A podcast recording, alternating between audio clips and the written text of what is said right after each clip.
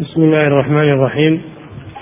الحمد لله رب العالمين والصلاة والسلام على نبينا محمد وعلى آله وأصحابه أجمعين.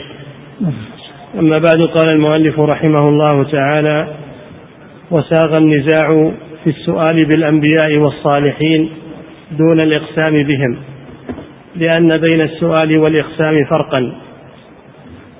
وساغ وساغ نعم. وساغ النزاع في السؤال بالأنبياء والصالحين دون الإقسام بهم. لأن بين السؤال والإقسام فرقا فإن السائل متضرع ذليل يسأل بسبب يناسب الإجابة. والمقسم أعلى من هذا. بسم الله الرحمن الرحيم. الحمد لله والصلاة والسلام على رسول الله وعلى آله وأصحابه أجمعين. إذا قال السائل أسألك بنبيك فإن كان يريد بهذا الإقسام على الله تكون الباء باء القسم فهذا ممنوع بالإجماع بإجماع أهل العلم لأنه لا يجوز الحلف بالمخلوق على المخلوق. فمن باب أولى لا يجوز الحلف على الله بالمخلوق. وأما إذا كان معنى الباء السببيه أسألك بنبيك أي بسبب نبيك الذي أرسلته فهذا وقع فيه النزاع. ما هو معناه أن الشيخ يجوز هذا كما توهم المحشي؟ الشيخ لا يجوز هذا سبق رأيه لكن هو يقول ساغ النزاع يعني وقع النزاع بين العلماء بعضهم أجازه بعضهم أجاز هذا وبعضهم منع. والشيخ ممن يمنع هذا. ولكن هو يحكي أن هذا فيه نزاع. النزاع إذا وقع ما يمكن أنه يجحد يبين لكن يبين الراجح والصواب. فالقول الصحيح من من النزاع أنه لا يجوز. أن هذا لا يجوز. ولو كانت الباء للسببية. إلا إن كان يقصد كما سبق. إن كان يقصد بنبيك يعني باتباع له والإيمان به يقصد بنبيك أي بإيمان به والإقتداء به ومحبته فهذا جائز لأن هذا توسل بالعمل يعني محبة الرسول واتباع الرسول والاقتداء بالرسول هذا عمل صالح أو يسأل الله بعمله الذي حصل له مع الرسول صلى الله عليه وسلم. ولكن هذا المعنى غير ظاهر من السؤال من من قول أسألك بنبيك. لكن يحتمل. فإذا كان هذا هو القاصد فهو سائغ. إن كان القصد السببية من غير نية الاتباع والاقتداء هذا لا يجوز. نعم. وفيه فرق بين المقسم وبين السائل. هذا واضح أن المقسم يؤكد المقسم يؤكد ويلزم فإذا أقسم على الله معناه أنه يلزم الله عز وجل. هذا سوء أدب مع الله. أما السائل فإنما هو إنما هو يعرض عرضا على المسؤول يعرض عرضا على المسؤول ولا يلزمه. بينهما فرق. كما ذكر الشيخ رحمه الله. نعم. وساغ النزاع في السؤال بالأنبياء والصالحين دون الإقسام بهم لأن بين السؤال والإقسام فرقا. نعم. فإن السائل متضرع ذليل يسأل بسبب يناسب الإجابة. يعني برأيه يناسب الإجابة برأيه برأي السائل. هم معنى أن الشيخ يؤيد هذا. لكن هذا برأي السائل. نعم. والمقسم أعلى من هذا فإنه طالب مؤكد طلبه بالقسم. نعم يكون ملزم. يكون ملزم إذا أقسم فمعناه أنه يلزم المسؤول. نعم. والمقسم لا يقسم إلا على من يرى أنه يبر قسمه فإبرار القسم خاص ببعض العباد وأما إجابة السائلين فعام فإن الله يجيب دعوة المضطر ودعوة المظلوم وإن كان كافرا. أي نعم. الله جل وعلا يجيب دعوة المضطر. ثلاثة يجيب دعوته.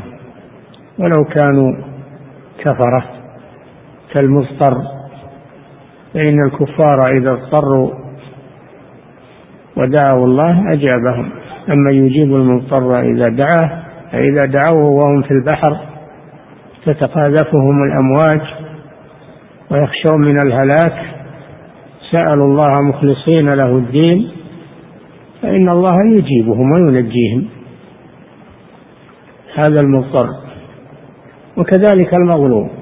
مظلوم تستجاب دعوته ولو كان كافرا لأن الله سبحانه وتعالى قال لأن لأن الرسول صلى الله عليه وسلم قال لمعاذ واتق دعوة المظلوم فإنه ليس بينها وبين الله حجاب مع أنه أرسله إلى النصارى في نجران. فقال اتق دعوة المظلوم فإنه ليس بينها وبين الله حجاب. هذا المضطر وهذا المظلوم. والثالث ما ذكر الاثنين نعم. فإن الله يجيب دعوة المضطر ودعوة المظلوم وإن كان كافرا. نعم. نعم. وفي الصحيح عن النبي صلى الله عليه وسلم أنه قال ما من داع يدعو الله بدعوة ليس فيها إثم ولا قطيعة رحم إلا أعطاه الله بها إحدى خصال ثلاث. إما أن يعجل له دعوته وإما أن يدخر له من الخير مثلها وإما أن يصرف عنه من الشر مثلها. قالوا يا رسول الله إذا نكثر. قال الله أكثر. هذا فيه أن الداعي إذا دعا الله عز وجل مؤمنا به فإن الله لا يضيع دعوته لأن الله قال وقال ربكم ادعوني أستجب لكم. فوعد أن يستجيب وهو لا يخلف وعده. فإذا توفرت شروط قبول الدعاء إذا توفرت شروط قبول الدعاء فإن الله لا يضيع هذه الدعوة. ولكنه جل وعلا يختار للداعي ما هو خير خير له. يختار للداعي ما هو خير له.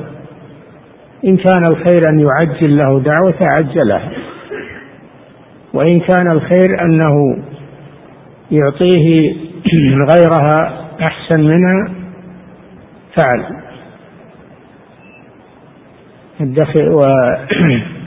فهو جل وعلا يعلم مصلحة الداعي إما أن يعجل له دعوته وإما أن يعطيه خيرا منها وإما أن يصرف عنه من الشر مثلها. يصرف عنه من الشر مثلها. فدعوة دعوة الداعي إذا توافرت شروط الإجابة فإنها لا تضيع عند الله عز وجل. نعم. قالوا يا رسول الله إذا نكثر. إذا نكثر من الدعاء لما رأوا أن أن الدعوة لا تضيع عند الله قالوا إذا نكثر من الدعاء قال الله أكثر أي أكثر خيرا وأكثر فضلا. نعم وأكثر إجابة. نعم. وهذا التوسل بالأنبياء بمعنى السؤال بهم وهو الذي قال أبو حنيفة وأصحابه وغيرهم إنه لا يجوز. ليس في المعروف من مذهب مالك ما يناقض ذلك. فضلا نعم وهذا؟ وهذا التوسل بالأنبياء بمعنى السؤال بهم. وهو الذي قال أبو هذا لو صبر المحشي إلى أن قرأ هذا ما ما أشكل عليه. الشيخ ما يقر يقول ساغ ساغ فيه النزاع. وهو لا يقر القول بالجواز إنما يحكي يحكي النزاع فقط. ثم إنه ذكر أن أن أن الأئمة لا يجيزون هذا وهو يؤيد هذا ساقه من باب التأييد. نعم. وهذا التوسل بالأنبياء بمعنى السؤال بهم وهو الذي قال أبو حنيفة وأصحابه وغيرهم إنه لا يجوز ليس في المعروف من مذهب مالك ما يناقض ذلك. لأن في من يزعم كما يأتي أن مالكا أجاز هذا. الشيخ ينفي هذا عن مالك. ينفي هذا عن مالك نفيا باتا وأن مالكا رحمه الله لا يخالف الأئمة في منع هذا. أما نقل عنه غير صحيح كما يأتي. نعم. ليس في المعروف من مذهب مالك ما يناقض ذلك ليس في المعروف. المعروف من مذهب مالك وأما المنسوب إليه هذا موجود. لكن المعروف من مذهب مالك والثابت عنه أنه لا يجيز هذا. نعم. ليس في المعروف من مذهب مالك ما يناقض ذلك فضلا أن يجعل هذا من مسائل السبب. فمن نقل أن يجعل هذا يعني مالك. نعم. فضلا أن يجعل هذا من مسائل السبب. نعم. فمن نقل عن مذهب مالك أنه جوز التوسل به بمعنى الإقسام به أو السؤال به فليس معه في ذلك نقل عن مالك وأصحابه. فضلا عن أن يقول مالك إن هذا سب للرسول أو تنقص به. نعم نعم يقولون المخرفون يقولون إن اللي ما يسأل بالرسول أو بالولي متنقص له. لأن الرسول له حق وجاه عند الله والولي له جاه عند الله. فالذي لا يتوسل إلى الله بحق الرسول وبحق الولي متنقص لهم. انظر كيف التلبيس على الناس. ليس في هذا تنقص بالرسول صلى الله عليه وسلم ولا للأولياء. وإنما هو إخلاص التوحيد تعظيم الله جل وعلا. نعم. بل المعروف عن مالك أنه كره للداعي أن يقول يا أعد أعد. فليس معه في ذلك نقل عن مالك وأصحابه فضلا عن أن يقول مالك إن هذا سب للرسول أو تنقص به. أي نعم لأنهم نسبوا إلى مالك هذه الفرية. نعم. بل المعروف عن مالك أنه كره للداعي أن يقول يا سيدي يا سيدي. وقال الإمام مالك كره ما هو أقل من ذلك وهو سيدي يا سيدي. لأن السيادة لله عز وجل هو السيد. فهو يكره أن يقال لشخص يا سيد أو يا سيدي.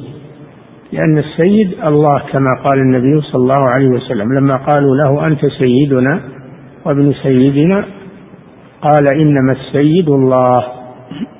نعم. فمالك يكره كلمة سيد. فكيف يجيز السؤال بالرسول صلى الله عليه وسلم؟ نعم. بل المعروف عن مالك أنه كره للداعي أن يقول يا سيدي يا سيدي وقال قل كما قالت الأنبياء يا رب يا رب يا كريم. نعم. وأيضا وأيضا الله هو السيد. الله هو السيد سبحانه. لكن لا يسأل بهذا اللفظ. لا تسأل الله بهذا اللفظ. تقول يا سيدي قل يا رب هذه دعوة الأنبياء. الأنبياء يدعون الله بقولهم يا رب. يا رب. ف... أما لفظة السيد وإن كانت ثابتة لله وهي من أسمائه لكن لا لا يسأل بها لأن هذا شيء لم يرد. والذي ورد من دعوات الأنبياء أنهم يقولون يا رب. وكذلك في الحديث الذي يطيل السفر أشعث أغبر يقول يا رب يا رب يا رب. فالدعاء بالربوبية أكمل من الدعاء بالسيد. هذا شيء غير معروف. نعم. وكره أيضا أن يقول يا حنان يا منان فإنه ليس بمأثور عنه. ليس بمأثور عن مالك رحمه الله. أنه يقال يا حنان يا من يا منان. كما أنه لا يقول يا سيدي يا سيدي. وإنما يدعى الله بالرب سبحانه وتعالى. والمنان ثابت أنه من أسماء الله أو متأكد لكن الحنان ما ثبت. نعم. فإذا كان مالك يكره مثل هذا الدعاء إذا لم يكن مشروعا عنده فكيف يجوز عنده أن يسأل الله بمخلوق نبيا كان أو غيره؟ إذا كان مالك لا يجيز سؤال الله ببعض أسماء الله كالسيد و والمنان والحنان إذا كان يكره هذا مع أن المنان من أسماء الله والسيد من أسماء الله. لأن هذا لم يرد لا يكرهه لأنه لم يرد في الأدعية الثابتة. فلا أن يكره أسألك بنبيك من باب أولى. لا نعم التوسل إلى الله بنبيه من باب أولى أنه يكرهه. نعم. فإذا كان مالك يكره مثل هذا الدعاء إذ لم يكن مشروعا عنده فكيف يجوز عنده أن يسأل الله بمخلوق نبيا كان أو غيره؟ وهو يعلم أن الصحابة لما أجدبوا عام الرمادة لم يسألوا الله بمخلوق لا نبي ولا غيره بل قال عمر اللهم إنا كنا إذا أجدبنا نتوسل إليك بنبينا فتسقينا وإنا نتوسل إليك بعم نبينا فأسقنا فيسقون. نعم عام الرمادة عام جدب حبس المطر عن الناس فأجدبت الأرض. واحتاج الناس إلى الغيث فاستسقوا. إحياء لسنة الرسول صلى الله عليه وسلم عند انحباس المطر أنه يشرع الاستسقاء. كانوا في حياة الرسول صلى الله عليه وسلم يأتون إليه ويقولون ادعوا الله أن يسقينا.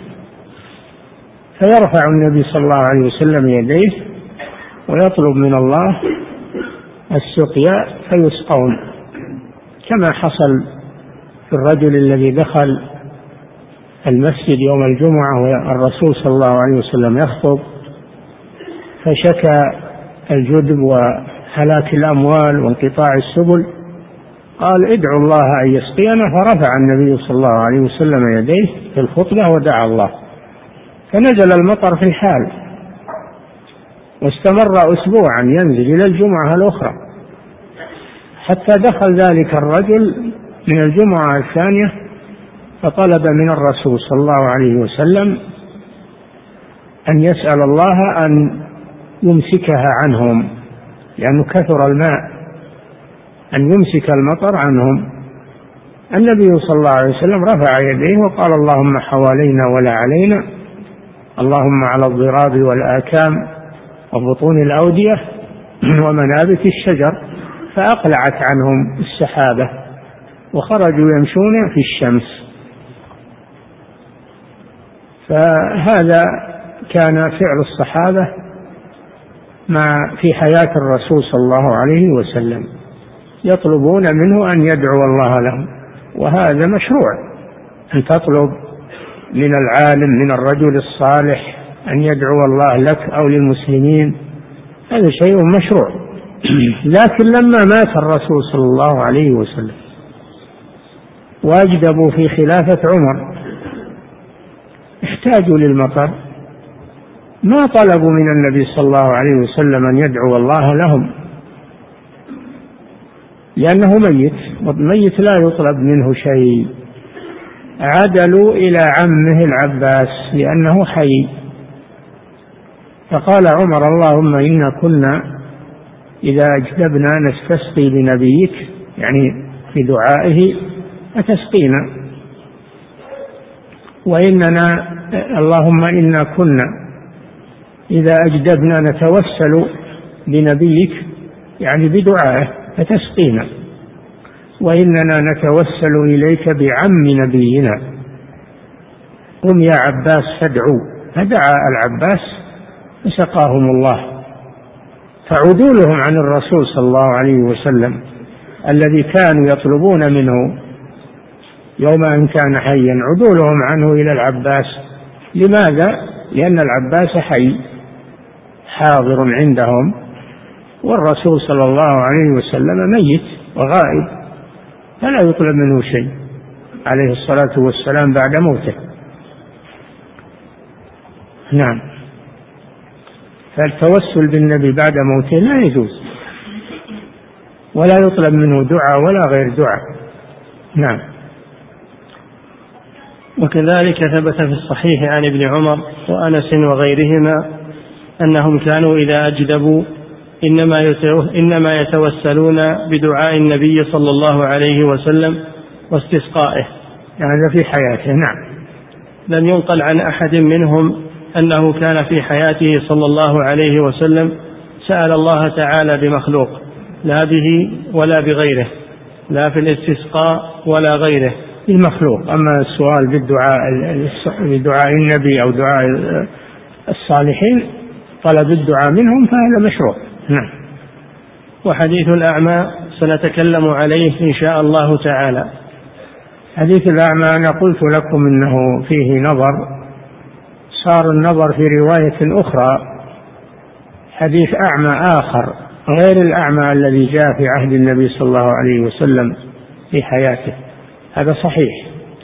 إنما فيه حديث آخر سيأتي أن أعمى جاء إلى جاء إلى عثمان رضي الله عنه. يعني ما معنى الحديث كذا؟ إلى عثمان فلم يلقي له بالا.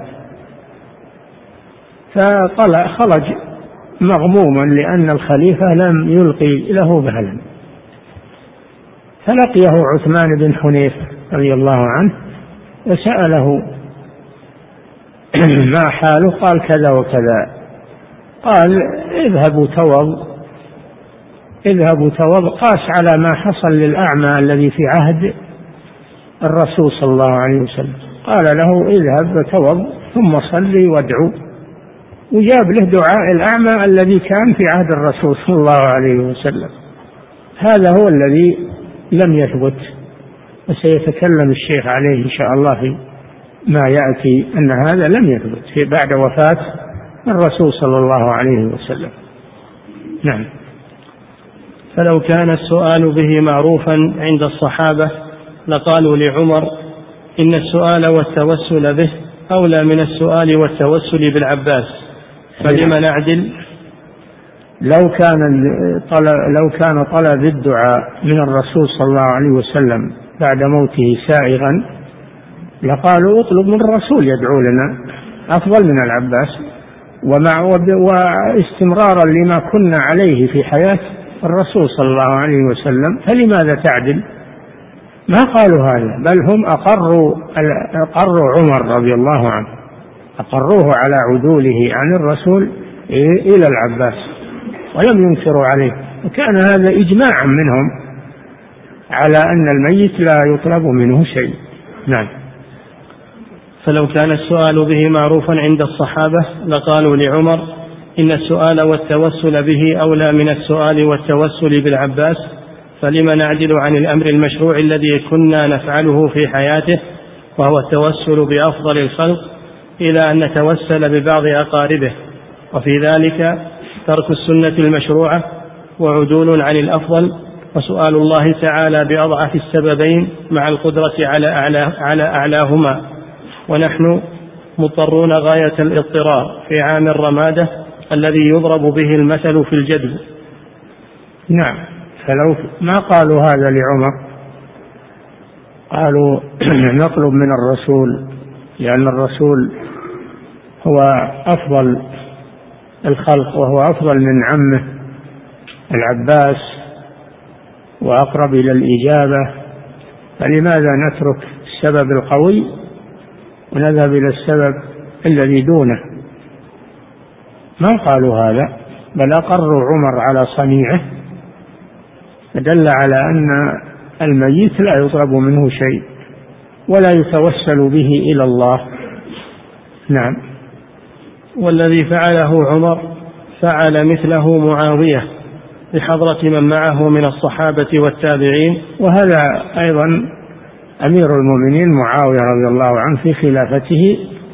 حصل عليهم الجدب بالشام. فتوسل إلى الله بدعاء الأسود بن يزيد الجرشي وكان من الصالحين. طلب منه الدعاء فدعا فسقاهم الله. نعم. ولم يتوسل بالنبي صلى الله عليه وسلم. نعم. والذي فعله عمر فعل مثله معاوية بحضرة من معه من الصحابة والتابعين فتوسلوا بيزيد ابن, ابن الأسود الجرشي كما توسل عمر بالعباس. نعم. هذه سنة. التوسل بدعاء الصالحين سنة. لكن يكونون موجودين حاضرين لا لا يتوسل بالأموات. ولو كان الميت أفضل من الحي. نعم. وكذلك ذكر الفقهاء من أصحاب الشافعي وأحمد وغيرهم أنه يتوسل في الاستسقاء بدعاء أهل الخير والصلاح. نعم هذا موجود في كتب الفقه.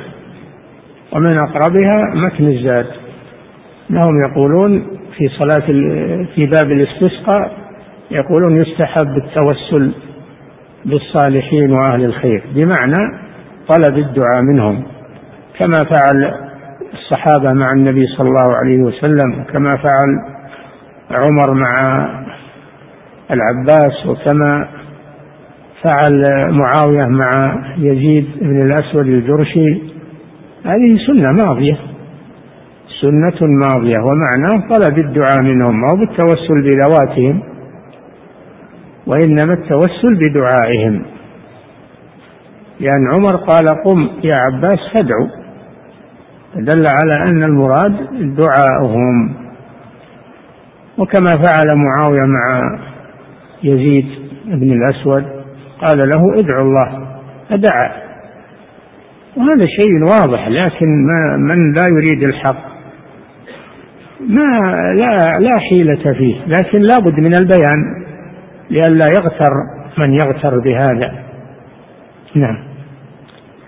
وكذلك ذكر الفقهاء من أصحاب الشافعي وأحمد وغيرهم أنه يتوسل في الاستسقاء بدعاء أهل الخير والصلاح.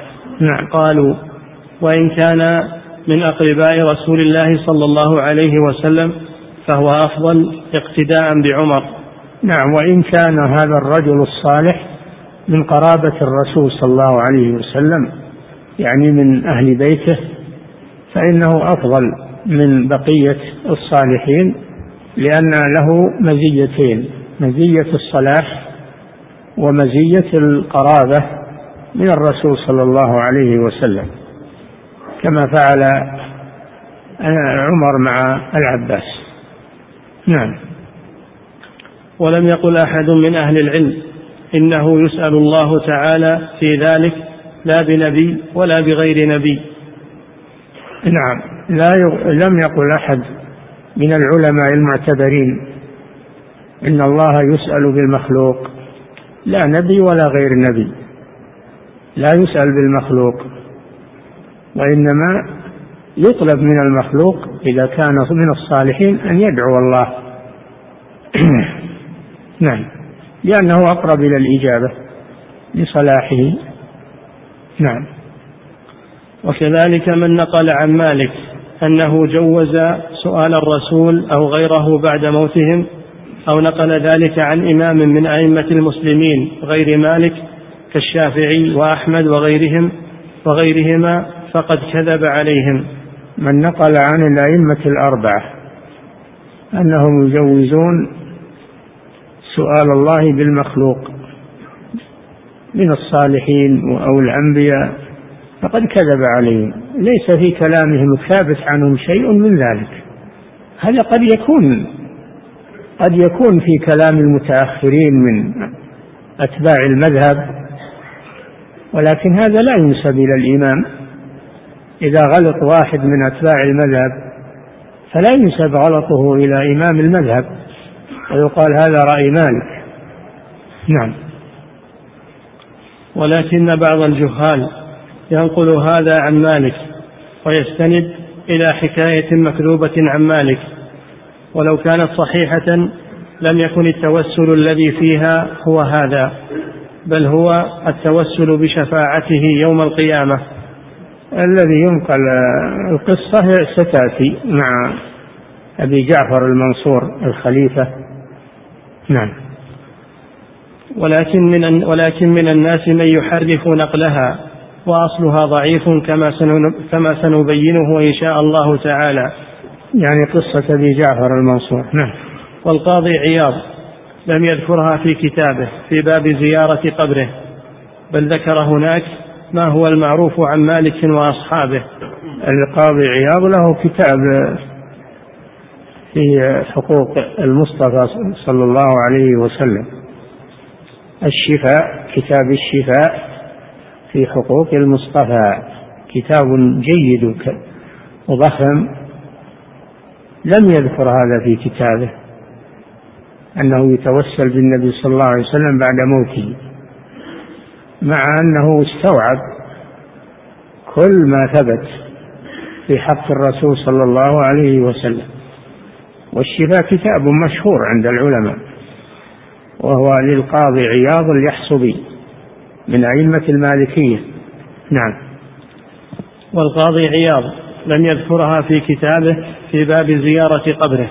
نعم. بل ذكر هناك ما هو المعروف عن مالك وأصحابه وإنما ذكرها في سياق أن حرمة النبي صلى الله عليه وسلم بعد موته وتوقيره وتعظيمه لازم كما كان حال حياته وذلك عند ذكره وذكر حديثه وسنته وسماع اسمه.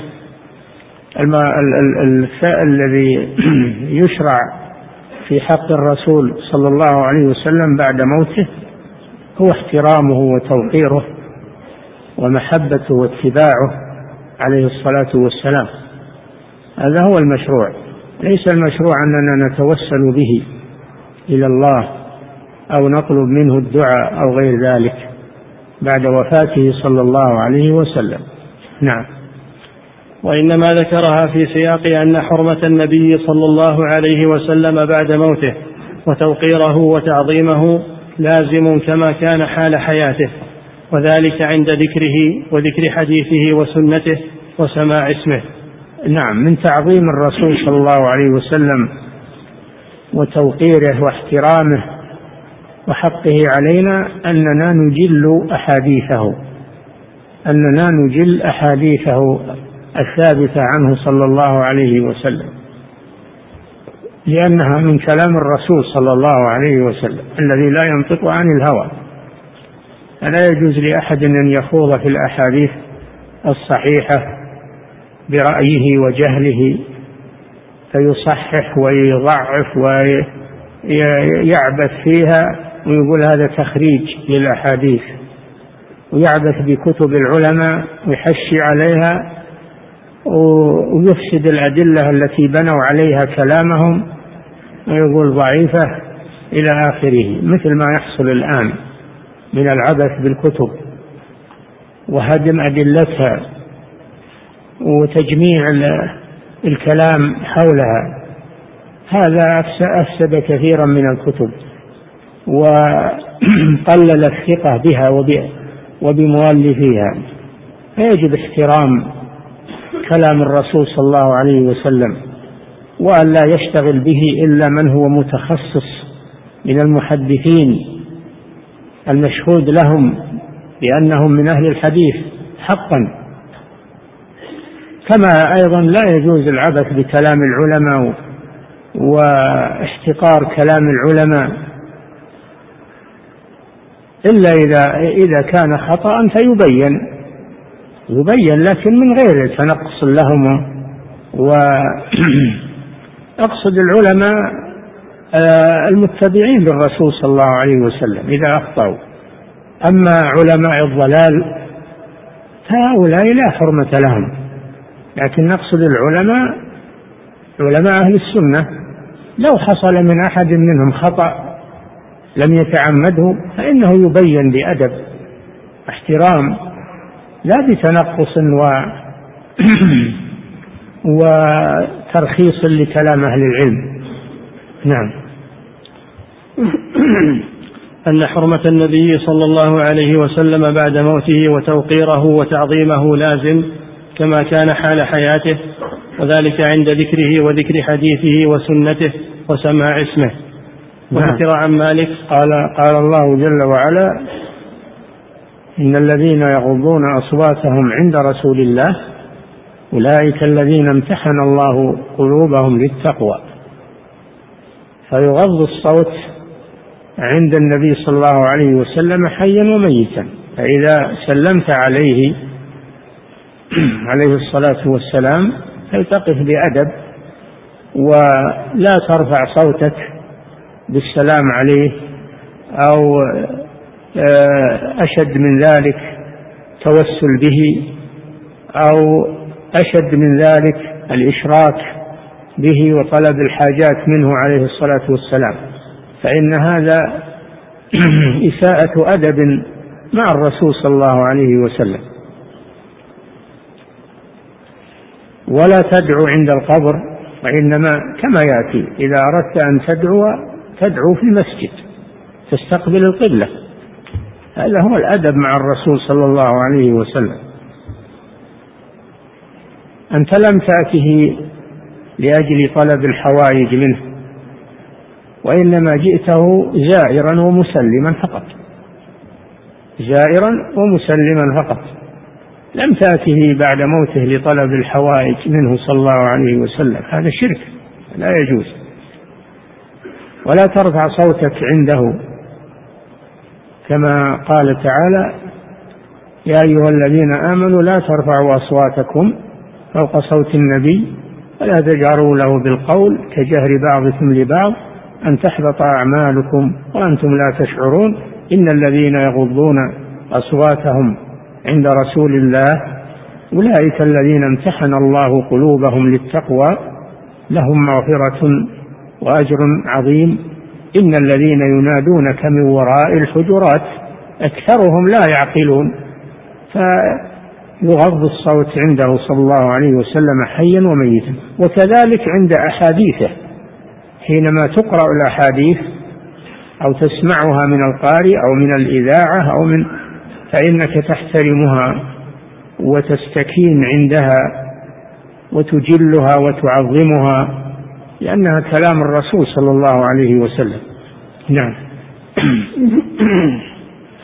وذكر عن مالك أنه سئل عن أيوب السختياني فقال ما حدثك ما حدثتكم عن أحد إلا وأيوب أفضل منه. قال نعم. فقال ما حدثتكم عن أحد إلا وأيوب أفضل منه. مش السبب؟ انتبهوا. قال وحج حجتين. يعني أيوب. نعم. فكنت أرمقه فلا أسمع منه غير أنه كان إذا ذكر النبي صلى الله عليه وسلم بكى حتى أرحمه. فلما رأيت منه ما رأيت وإجلاله للنبي صلى الله عليه وسلم كتبت عنه. يعني روى عنه مالك روى عن أيوب السختياني لما رأى من أدبه مع الرسول صلى الله عليه وسلم وأنه إذا ذكر الرسول صلى الله عليه وسلم بكى عرف أنه يعظمه ويعظم أحاديثه. فلا يمكن أن يحدث عنه بحديث غير ثابت عنه صلى الله عليه وسلم. فلذلك روى عنه الإمام مالك رحمه الله. نعم. وقال وقال مصعب أعد العبارة دي. وذكر عن مالك أنه سئل عن أيوب السختياني فقال ما حدثتكم عن أحد إلا وأيوب أفضل منه. قال وحج حجتين فكنت أرمقه فلا أسمع منه غير أنه كان إذا ذكر النبي صلى الله عليه وسلم بكى حتى أرحمه. فلما رأيت منه ما رأيت وإجلاله للنبي صلى الله عليه وسلم كتبت عنه. نعم. وقال مصعب ابن عبد الله كان مالك إذا ذكر النبي مصعب بن عبد الله من من أصحاب الإمام مالك ومن حملة مذهبه. نعم. وقال مصعب بن عبد الله كان مالك إذا ذكر النبي صلى الله عليه وسلم يتغير لونه وينحني حتى يصعب ذلك على جلسائه فقيل له يوما في ذلك. فقال لو رأيتم ما رأيت لما أنكرتم علي ما ترون. لقد كنت أرى محمد ابن المنك... لقد كنت أرى محمد ابن المنكدر لو رأيتم ما أرى يعني من تعظيم العلماء للرسول صلى الله عليه وسلم. نعم. لو رأيتم ما رأيت لما أنكرتم علي ما ترون. لقد, لقد كنت أرى محمد بن المنكدر وكان سيد القراء. لا نكاد نسأله عن حديث أبدا إلا يبكي حتى نرحمه. ولقد كنت أرى جعفر بن محمد وكان كثير الدعابة والتبسم فإذا ذكر عنده النبي صلى الله عليه وسلم اصفر لونه. وما رأيته يحدث عن رسول الله صلى الله عليه وسلم إلا على طهارة. نعم. ولقد جعفر بن محمد من أهل البيت من من قرابة الرسول صلى الله عليه وسلم. جعفر الصادق هو جعفر الصادق. نعم. وما رأيته يحدث عن رسول الله صلى الله عليه وسلم إلا على طهارة ولقد اختلفت إليه زمانا فما كنت أراه فما كنت أراه إلا على ثلاث خصال إما مصليا وإما صامتا وإما يقرأ القرآن ولا يتكلم فيما لا يعنيه وكان من العلماء والعباد الذين يخشون الله. نعم ويجلون الرسول صلى الله عليه وسلم ويجلون أحاديثه ويحترمون أحاديث الرسول صلى الله عليه وسلم ولا يعبثون بها بحجة التحقيق وكما يفعل الآن. نعم. ولقد كان عبد الرحمن ابن القاسم يذكر النبي صلى الله عليه وسلم فينظر إلى لونه كأنه لقد ولقد كان عبد الرحمن ابن القاسم نعم. يذكر النبي صلى الله عليه وسلم فينظر إلى لونه كأنه نزف منه الدم وقد جف لسانه في فمه هيبة لرسول الله صلى الله عليه وسلم. ولقد نعم. ابن القاسم الذي روى المدونة عن الإمام مالك. نعم. ولقد كنت آتي عامر بن عبد الله ابن الزبير فإذا ذكر عنده النبي صلى الله عليه وسلم بكى حتى لا يبقى في عينيه دموع. ولقد رأيت الزهري وكان لمن أهنأ الناس وأقربهم. فإذا ذكر عنده النبي صلى الله عليه وسلم فكأنه ما عرفك ولا عرفته. ولقد كنت آتي صفوان بن سليم وكان من المتعبدين المجتهدين فإذا ذكر النبي صلى الله عليه وسلم بكى فلا يزال يبكي حتى يقوم الناس ويتركوه. وهذا كل هذا من إجلالهم لرسول الله صلى الله عليه وسلم واحترامهم لأحاديثه. نعم. وهذا كله نقله القاضي عياض من كتب من كتب أصحاب مالك المعروفة.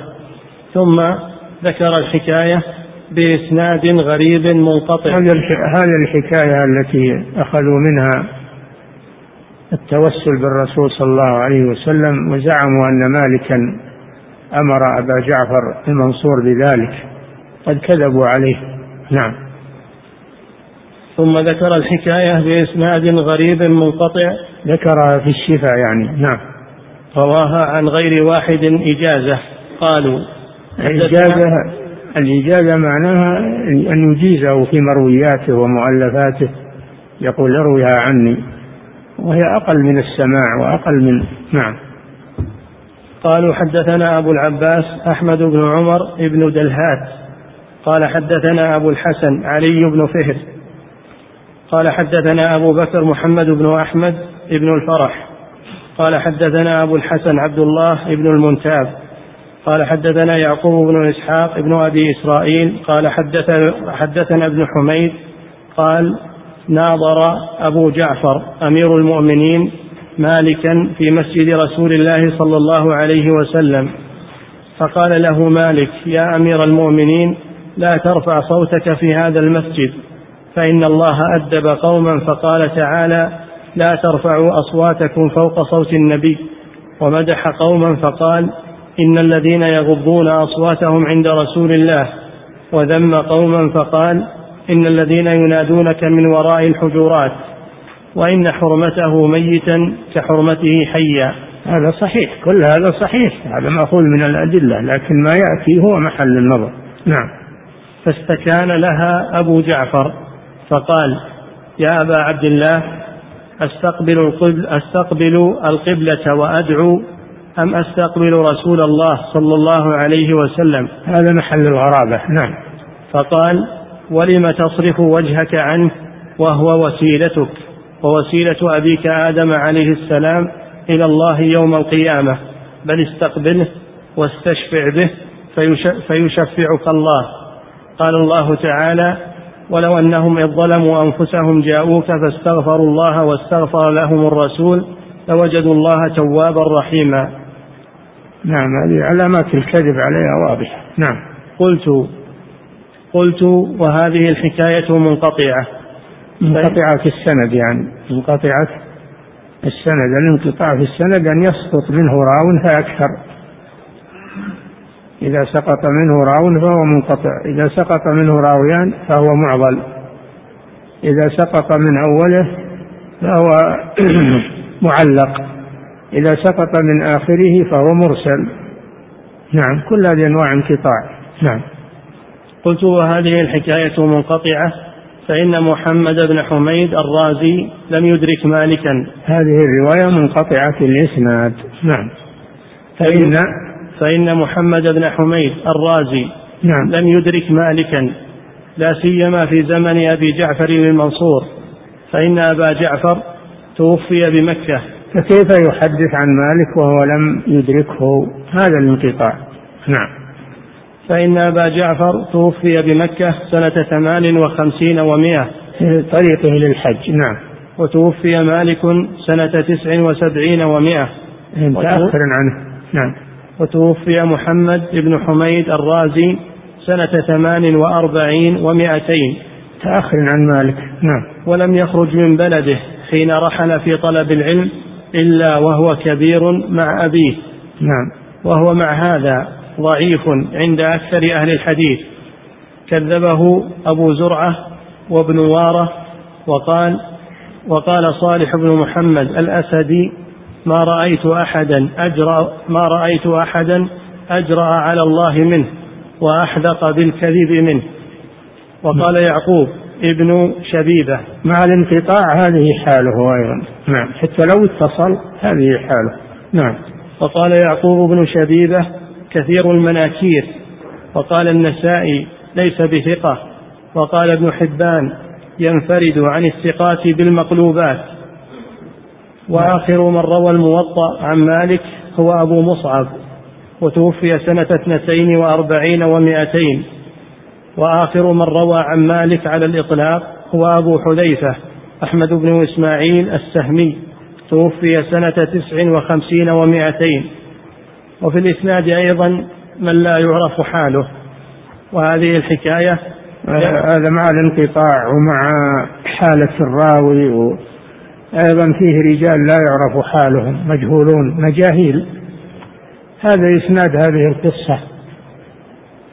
التي قال فيها مالك لأبي جعفر لا تصرف وجهك عن الرسول ولأنه وسيلتك ووسيلة أبيك آدم واستدل بالآية ولو أنهم هل مالك يستدل هذا الاستدلال؟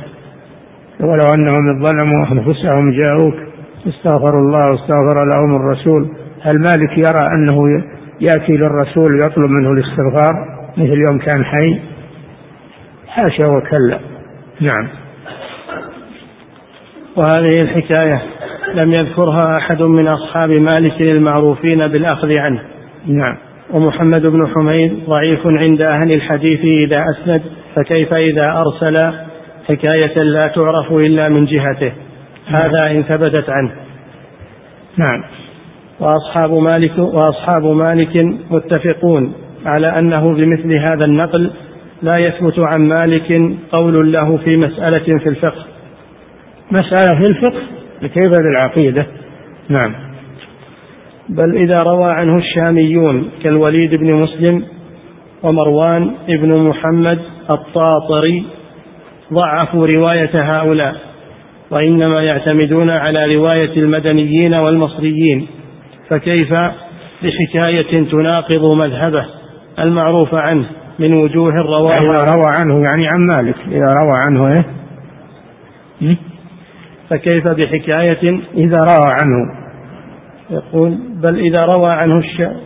وأصحاب مالك متفقون على أنه بمثل هذا النقل لا يثبت عن مالك قول له في مسألة في الفقه بل إذا روى عنه الشاميون. عن مالك يعني. كالوليد عن مالك الشاميون علماء الشام. نعم. بل إذا روى عنه الشاميون كالوليد بن مسلم ومروان بن محمد الطاطري ضعفوا رواية هؤلاء وإنما يعتمدون على رواية المدنيين والمدنيين لأن مالك رحمه الله بالمدينة يعتمدون الرواية عن مالك من أهل المدينة لأنهم في بلده. نعم. وإنما يعتمدون على رواية المدنيين والمصريين فكيف بحكاية تناقض مذهبه المعروف عنه من وجوه رواها واحد من الخرسانيين لم يدركه وهو ضعيف عند أهل الحديث. إذا كان لا يقبلون رواية أهل الشام عن مالك فكيف يقبلون رواية الخراساني عن مالك؟ هذا بعيد كل البعد. بعيد في البلد وبعيد في الزمان أيضا. نعم. مع أن قوله وهو وسيلتك ووسيلة أبيك آدم عليه السلام إلى الله يوم القيامة إنما يدل على توسل آدم وذريته به يوم القيامة. يوم القيامة. ما قال وسيلتك الآن وسيلة أبيك آدم الآن إنما هو يوم القيامة. يوم حين يكون حينما يكون الرسول صلى الله عليه وسلم حيا ما بعد بعثه صلى الله عليه وسلم. ولا شك أنهم الأمم تطلب منه الشفاعة وهو حي وهو موجود فيطلبون منه الشفاعة في فصل القضاء بين العباد الشفاعة العظمى. وهذا يختلف عن حال عن عن عن أمر الدنيا بعد موته صلى الله عليه وسلم. فكان يطلب منه في الدنيا على قيد الحياة. ويطلب منه في الآخرة إذا بعثه الله لكن يطلب منه في الدنيا بعد موته هذا باطل. نعم. مع أن قوله وهو وسيلتك ووسيلة أبيك آدم عليه السلام إلى الله يوم القيامة ما قال وسيلتك ووسيلة أبيك آدم؟ وسكت. قال يوم القيامة يعني بعدما يبعث الرسول صلى الله عليه وسلم. في فرق بين هذا وهذا. نعم. إنما يدل على توسل آدم وذريته به يوم القيامة. حينما حينما يطلب منه الشفاعة بفصل القضاء للخلائق الشفاعة العظمى. نعم. وهذا هو التوسل بشفاعته يوم القيامة وهذا حق كما جاءت به الأحاديث الصحيحة. نعم. حين يأتي الناس يوم القيامة آدم ليشفع لهم فيردهم آدم إلى نوح ثم يردهم نوح إلى إبراهيم وإبراهيم إلى موسى وموسى إلى عيسى ويردهم عيسى إلى محمد صلى الله عليه وسلم. فإنه كما قال أنا سيد ولد آدم يوم القيامة ولا فخر آدم فمن دونه تحت لوائي يوم القيامة ولا فخر. نعم. هذا من كما أمره الله بقوله جل وعلا وأما بنعمة ربك فحدث. هذا من التحدث بنعمة الله لا من باب الافتخار وإنما هو من التحدث بنعمة الله. التحدث بنعمة الله شكر لها لأن أنواع الشكر ثلاثة. التحدث بها ظاهرا ولا التحدث بها ظاهرا والاعتراف بها باطنا. وصرفها في طاعة الله جل وعلا. إذا تمت هذه الأمور صح الشكر. أما إذا فقد واحد منها لا فإن الشكر لا يصح. نعم. ولكنها مناقضة لمذهب مالك المعروف من وجوه. أحدها قوله استقبل القبلة أستقبل القبلة وأدعو. أم أستقبل رسول الله وأدعو؟ فقال ولم تصرف وجهك عنه؟ وهو وسيلتك ووسيلة أبيك آدم. هذا منكر. ما يقول الإمام مالك ادعو مستقبلا للرسول صلى الله عليه وسلم بعد موته القبلة هي واحدة قبلة المسلمين في الصلاة وفي الدعاء واحدة هذه الكعبة. هي الكعبة ليس هناك قبلة ثانية أبدا. لا قبر الرسول صلى الله عليه وسلم ولا غيره. قبلة المسلمين واحدة وهي الكعبة المشرفة. فكيف يقول لما يقول مالك لأبي جعفر اصرف وجهك عن القبلة التي هي قبلة الله جل وعلا التي شرعها لعباده إلى القبر؟ هذا يقوله مالك؟ نعم. فإن المعروف عن مالك وغيره من الأئمة وسائر السلف من الصحابة والتابعين أن الداعي إذا سلم على النبي صلى الله عليه وسلم ثم أراد أن يدعو لنفسه فإنه يستقبل القبلة. نعم السلام تستقبل الرسول صلى الله عليه وسلم لأن هذه عادة المسلم الأحياء والأموات سواء تستقبلهم تسلم على واحد وأنت ملبيه وراك ما هو مناسب. لكن تستقبله في السلام هذا هذا نعم هذا مشروع وهذا هو السلام. أما الدعاء فلا. نعم تستقبل بيت الله سبحانه وتعالى. نعم. أن الداعي إذا سلم على النبي صلى الله عليه وسلم ثم أراد أن يدعو لنفسه فإنه يستقبل القبلة ويدعو في مسجده ولا يستقبل القبر ويدعو لنفسه. بل إنما يستقبل القبر عند السلام على النبي صلى الله عليه وسلم والدعاء له. كما كما هو مقتضى السلام. مقتضى السلام أن تستقبل من تسلم عليه. نعم. هذا قول أكثر العلماء كمالك في إحدى الروايتين والشافعي وأحمد وغيرهم. وعند أصحاب أبي حنيفة لا يستقبل القبر وقت السلام عليه أيضا. نعم هم أشد الحنفية أشد بعد. حتى وقت السلام لا تستقبل نعم. ثم منهم من قال يجعل الحجرة على يساره. وقد رواه ابن وهب عن مالك ويسلم عليه. ومنهم من قال بل يستدبر الحجرة ويسلم عليه. وهذا هو المشهور عندهم. ومع هذا الحنفية يعني نعم. ومع هذا فكره مالك أن يطيل القيام عند القبر. لذلك قال القاضي عياض في المبسوط عن مالك قال لا أرى أن يقف عند قبر النبي صلى الله عليه وسلم يدعو ولكن يسلم ويمضي. نعم السلام فقط. يستقبل القبر وقت السلام ولا يطيل السلام. كان ابن عمر رضي الله عنه إذا قدم من سفر أتى إلى قبر الرسول صلى الله عليه وسلم فقال السلام عليك يا رسول الله. ورحمة الله وبركاته. السلام عليك يا أبا بكر الصديق ورحمة الله وبركاته. السلام عليك يا عمر بن الخطاب ورحمة الله وبركاته. ثم ينصرف. ثم ينصرف. هذا هو أدب السلام. نعم. عن مالك قال لا أرى أن يقف عند قبر النبي صلى الله عليه وسلم يدعو ولكن يسلم ويمضي. قال وقال نافع كان ابن عمر يسلم على القبر.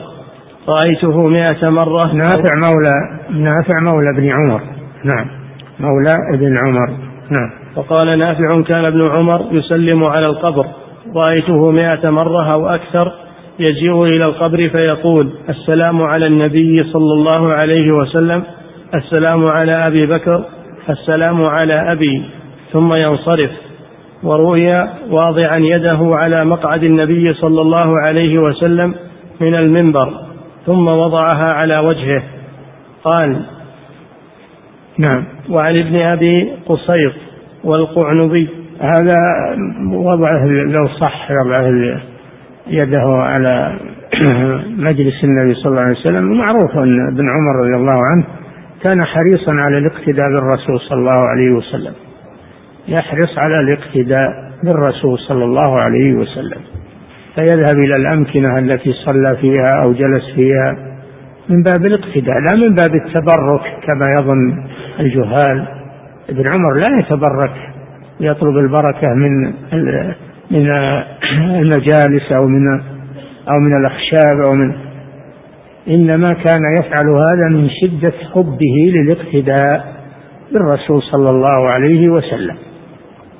نعم. لكن حرفها الخرافيون وقالوا هذا دليل على التبرك وأن ابن عمر يرى التبرك. نعم. قال وعن ابن أبي قسيط والقعنبي كان أصحاب النبي صلى الله عليه وسلم. القعنبي القعنبي. نعم. وعن, وعن ابن أبي قسيط والقعنبي كان أصحاب النبي صلى الله عليه وسلم إذا خلا المسجد جسوا برمانة المنبر. التي تلقاء القبر بميامنهم ثم استقبلوا القبلة يدعون. قال وفي الموطأ من رواية يحيى بن يحيى نقف عند هذا. نعم. عند فعل ابن عمر مع المنبر. نعم. نقف عند هذا.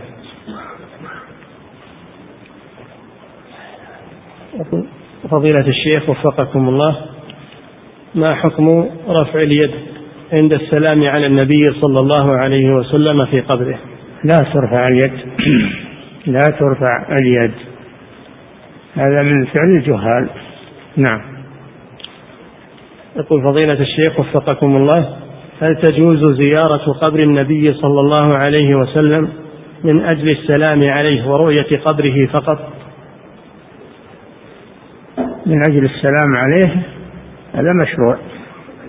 بدون سفر بدون سفر.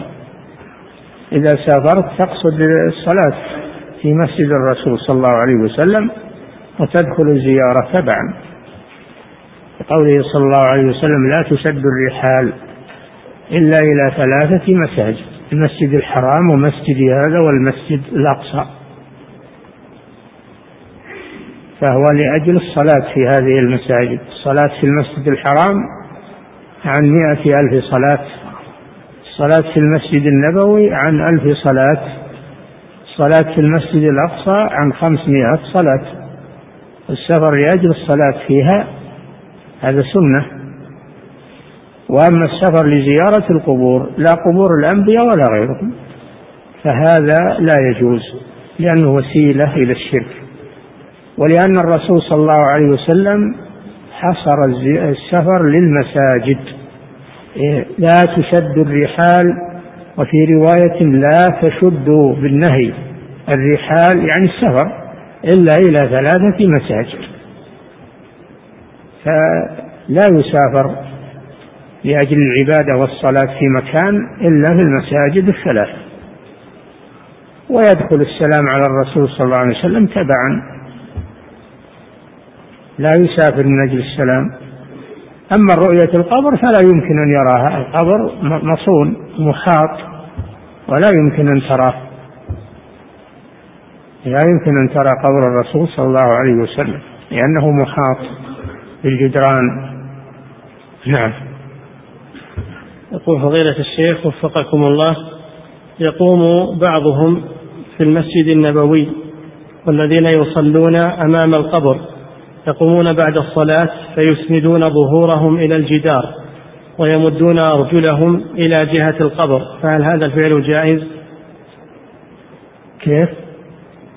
يقول يقوم بعض المصلين في المسجد النبوي الذين يصلون أمام القبر بعد الصلاة يسندون ظهورهم إلى الجدار ويمدون أي جدار؟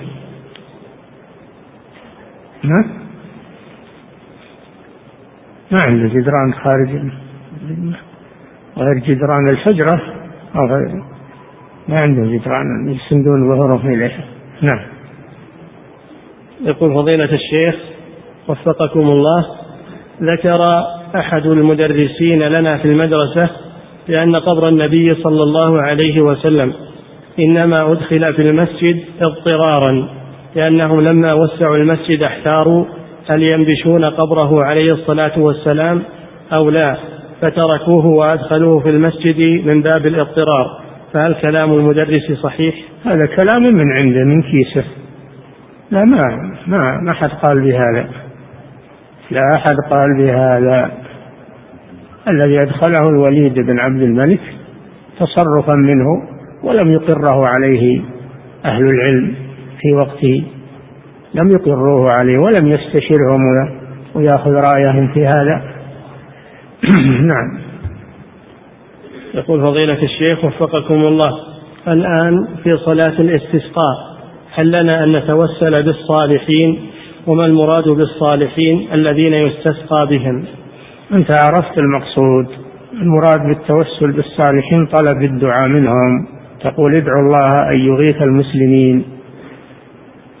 هذا المقصود. نعم. يقول فضيلة الشيخ وفقكم الله معاوية رضي الله عنه وأرضاه صحابي ويزيد الجرشي تابعي. فهل يفهم من هذا أن يزيد أفضل من معاوية أم أن فعل معاوية من باب التواضع رضي الله عنه؟ يزيد من من الصالحين. يزيد من الصالحين الأتقياء فطلبوا منه أن يدعو نعم. وهم يؤمنون. والذي يؤمن كالذي يدعو. نعم.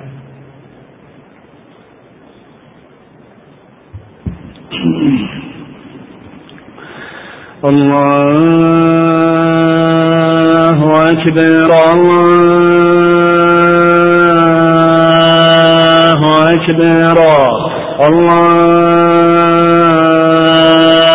أكبر الله أكبر. أشهد أن لا إله إلا الله. أشهد أن لا إله إلا الله.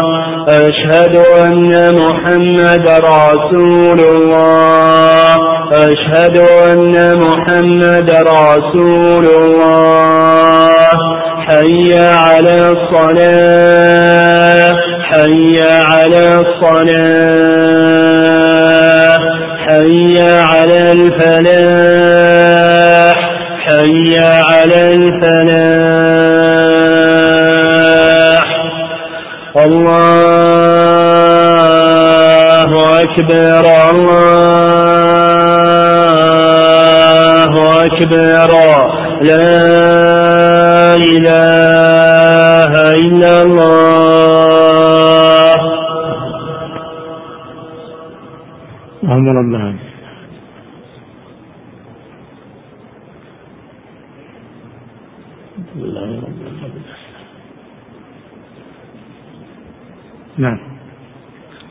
يقول فضيلة الشيخ وفقكم الله في قول شيخ الإسلام ابن تيمية رحمه الله. إنما يستقبل القبر عند السلام على النبي صلى الله عليه وسلم والدعاء له. السؤال كيف كيف يكون الدعاء للرسول عليه الصلاة والسلام؟ السلام السلام عليه دعاء. السلام دعاء للرسول صلى الله عليه وسلم. نعم. يقول فضيلة الشيخ وفقكم الله هل هناك فرق بين طلب الدعاء من الميت وبين طلب قضاء الحوائج منه وصرف بعض العبادات له؟ كله لا يجوز. لا يطلب من الميت شيء لا دعاء ولا طلب حوائج. كله لا يجوز. نعم. يقول فضيلة الشيخ وفقكم الله ذكرتم أن السيد من أسماء الله ولكن لا يجوز للعبد أن يسأل الله بهذا الاسم. فكيف يعرف طالب العلم الأسماء التي يجوز أن يدعو الله بها والتي لا يجوز؟ وهل يمكن أن ترشدوننا إلى كتب تعتني بذلك؟ بعض الأسماء بعض الأسماء تمتاز على غيرها مثل الاسم الأعظم مثل فيدعى الله بالأسماء التي وردت في القرآن الدعاء بها. دعوات الأنبياء يقولون ربنا ربنا. هكذا. ربنا اغفر لنا ولإخواننا الذين سبقونا بالإيمان. ربنا آتنا في الدنيا حسنة وفي الآخرة حسنة. ما قالوا يا سيدنا؟ نحن نتبع ما جاء في الكتاب والسنة. نعم. يقول فضيلة الشيخ وفقكم الله. بعض الخطباء وبعض الأئمة في دعاء القنوت يردد قول يا حنان يا منان. بعض إيش؟ يقول بعض الخطباء على المنبر وبعض الأئمة في دعاء القنوت يردد بقول يا حنان يا منان. فهل هذا ماثور عن النبي صلى الله عليه وسلم أم ينكر عليهم؟ كما سمعتم أنه يقال يا رب يا ربنا. ولا يقال يا منان يا يقال يا ربنا. هذا هو الأولى. هو جائز أن تقول يا منان جاء في الحديث أسألك بأن بأنك أنت الله المنان فجاء في الحديث الدعاء باسم المنان لكن الغالب والأكثر الرب. يا ربنا نعم. يقول فضيلة الشيخ وفقكم الله أشكل علي الجمع بين قول النبي صلى الله عليه وسلم السيد الله. وقوله صلى الله عليه وسلم أنا سيد ولد آدم. إيه ما قال أنا السيد؟ قال أنا سيد ولد آدم. فإذا أضيف مثل ما تقول رب الدار ولا تقول الرب. فالسيد المطلق هو الله. أما أن تقول فلان سيد بني فلان سيد القبيلة الفلانية بمعنى رئيسهم فلا بأس بذلك. نعم. يقول فضيلة الشيخ وفقكم الله ما حكم أن نكتب على الرسائل إلى السيد فلان ابن فلان مطلقا؟ إذا كان هذا اسمه يعني بعض الناس يسمي سيد إذا كان هذا اسمه فلا بأس. أما تقوله من باب التعظيم فلا تقل هذا. قل إلى الأخ أحسن. إلى الأخ فلان. نعم. يقول فضيلة الشيخ وفقكم الله ذكرتم حفظكم الله أنه لا يؤخذ تصحيح الأحاديث إلا من أهل الاختصاص وهم أهل الحديث. فهل هم, فهل هم أناس معروفون في هذا العصر حتى نأخذ منهم. والله ما نعرف أحد في هذا العصر.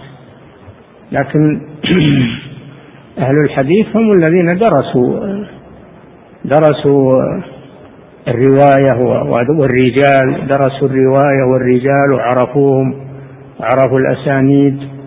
هؤلاء هم أهل الحديث. أما مجرد أنك تنقل من الكتب تجي وتنقل قالوا فلان وقالوا فلان ما هو ما هو ما هو محدث هذا هذا معناه ناقل فقط. نعم. وقد ينقل خطأ كثر هذا كثر ما ينقلون خطأ. نعم.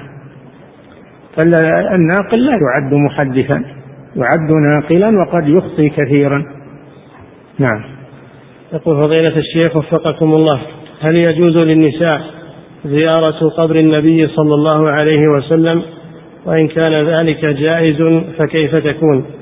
لا تجوز زيارة النساء للقبور مطلقا لا قبر النبي صلى الله عليه وسلم ولا غيره لأنه صلى الله عليه وسلم لعن قال لعن الله زوارات القبور. وفي رواية لعن الله زائرات القبور والمتخذين عليها المساجد والسرج. فلا يجوز للنساء أن تزور القبور لا الرسول ولا غيره لعموم هذا الحديث. نعم.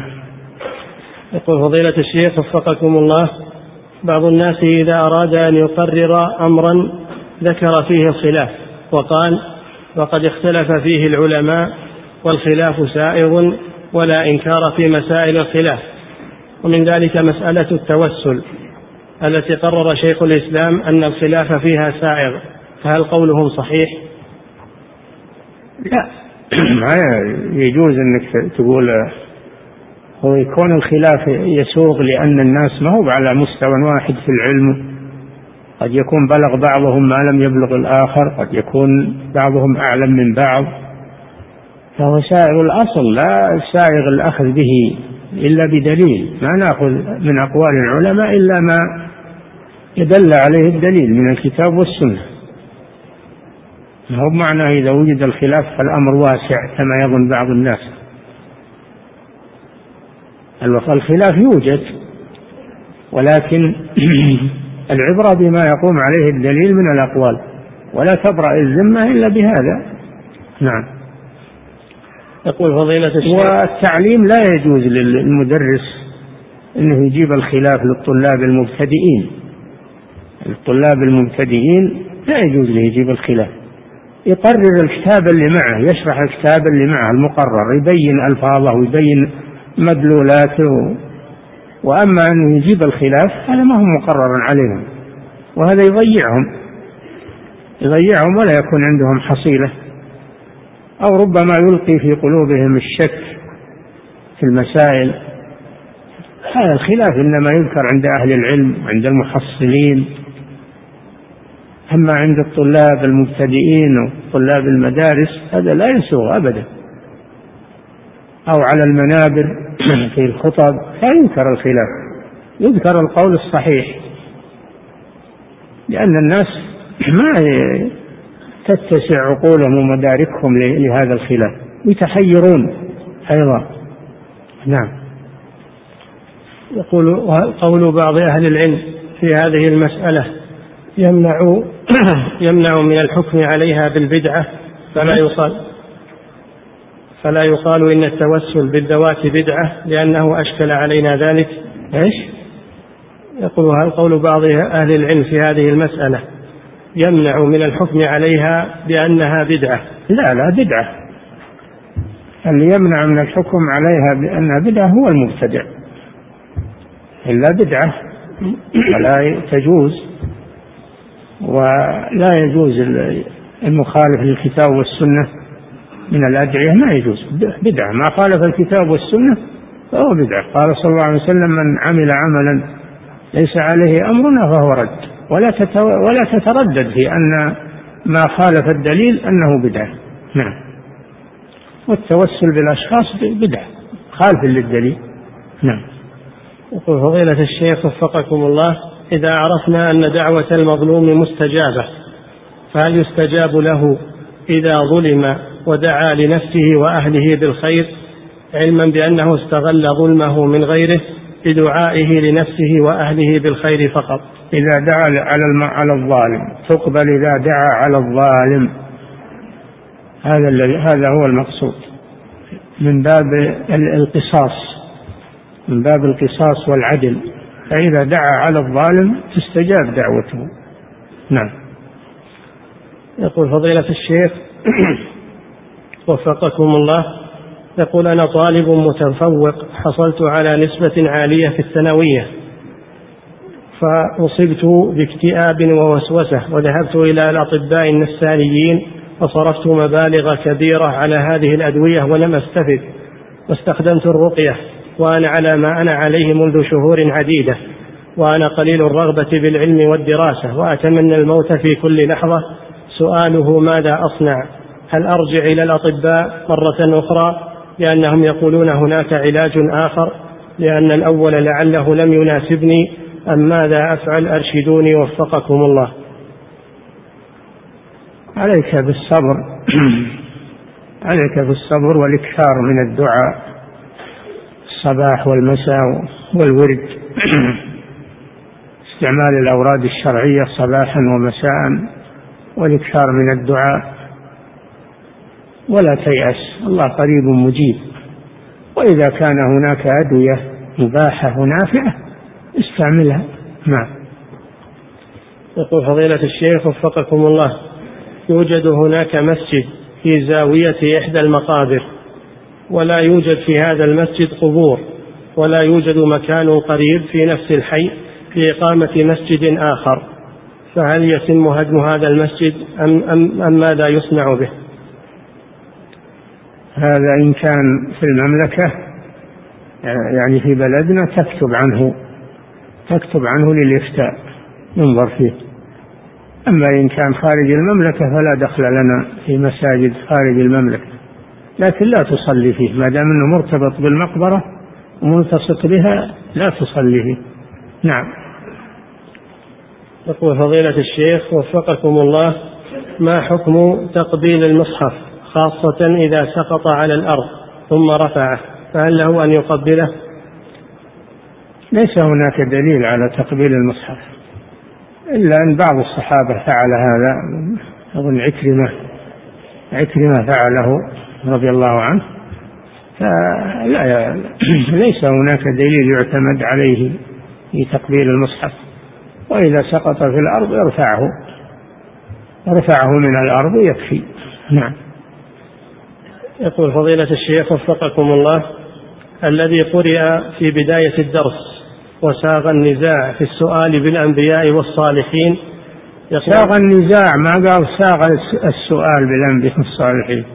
ما قال ساغ السؤال بالأنبياء يقول ساغ النزاع الخلاف.